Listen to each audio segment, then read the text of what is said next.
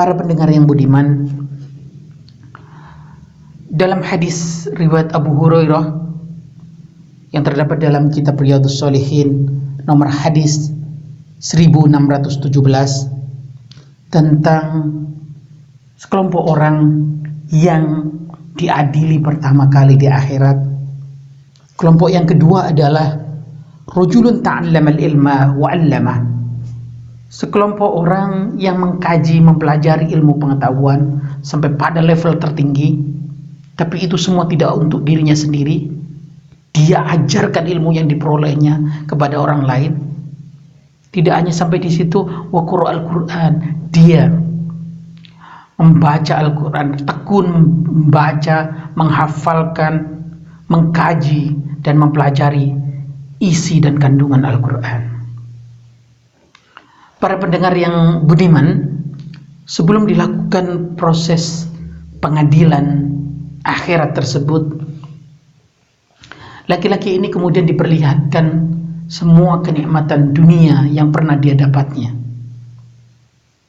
dan laki-laki itu pun mengakui bahwa semua yang diperlihatkan itu memang pernah didapatnya. Lalu laki-laki itu pun kemudian ditanya, "Fama amil tafiha?" Apa yang sudah engkau lakukan dengan semua kenikmatan itu?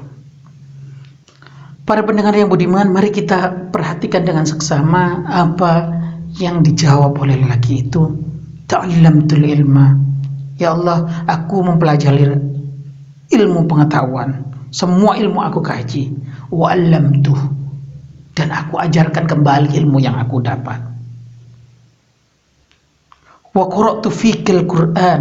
Laki-laki itu melanjutkan dengan memberi pengakuan bahwa dia rajin membaca Al-Quran, menghafal Al-Quran, mengkaji kandungan isi Al-Quran. Tapi Mari kita dengarkan dengan seksama jawaban Allah Subhanahu wa taala dalam hadis ini seperti terekam dalam hadis ini kata Allah kadzabta kamu bohong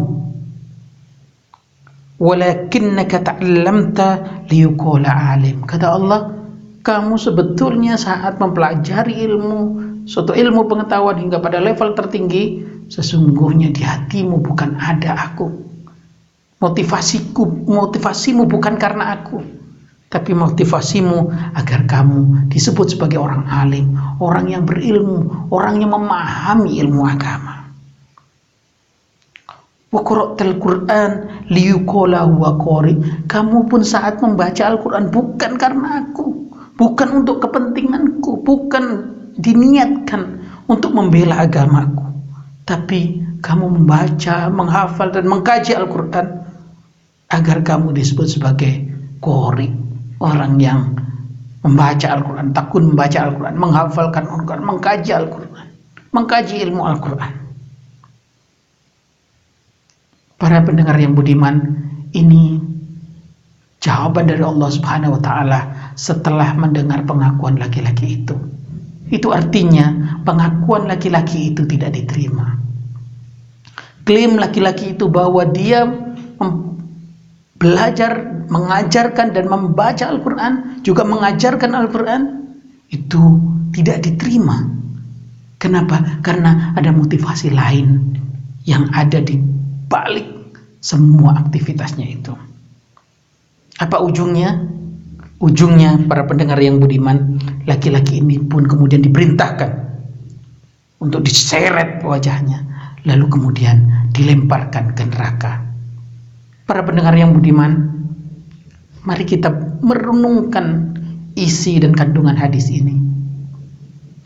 Nyata sekali bahwa dianggap sebagai orang baik saja tidak cukup, disebut sebagai orang yang punya kontribusi besar terhadap agama, mempunyai ilmu pengetahuan agama dan mengajarkannya, itu tidak cukup apabila di dalam hatinya tidak ada motivasi karena Allah, karena agama Allah. Hapus semua amal yang sudah dilakukan. Ini menjadi pengingat bagi kita semua. Mudah-mudahan kita bisa memahaminya, mudah-mudahan kita bisa mengambil pelajaran dan mengambil manfaat dari hadis yang kita pelajari bersama pada kesempatan kali ini.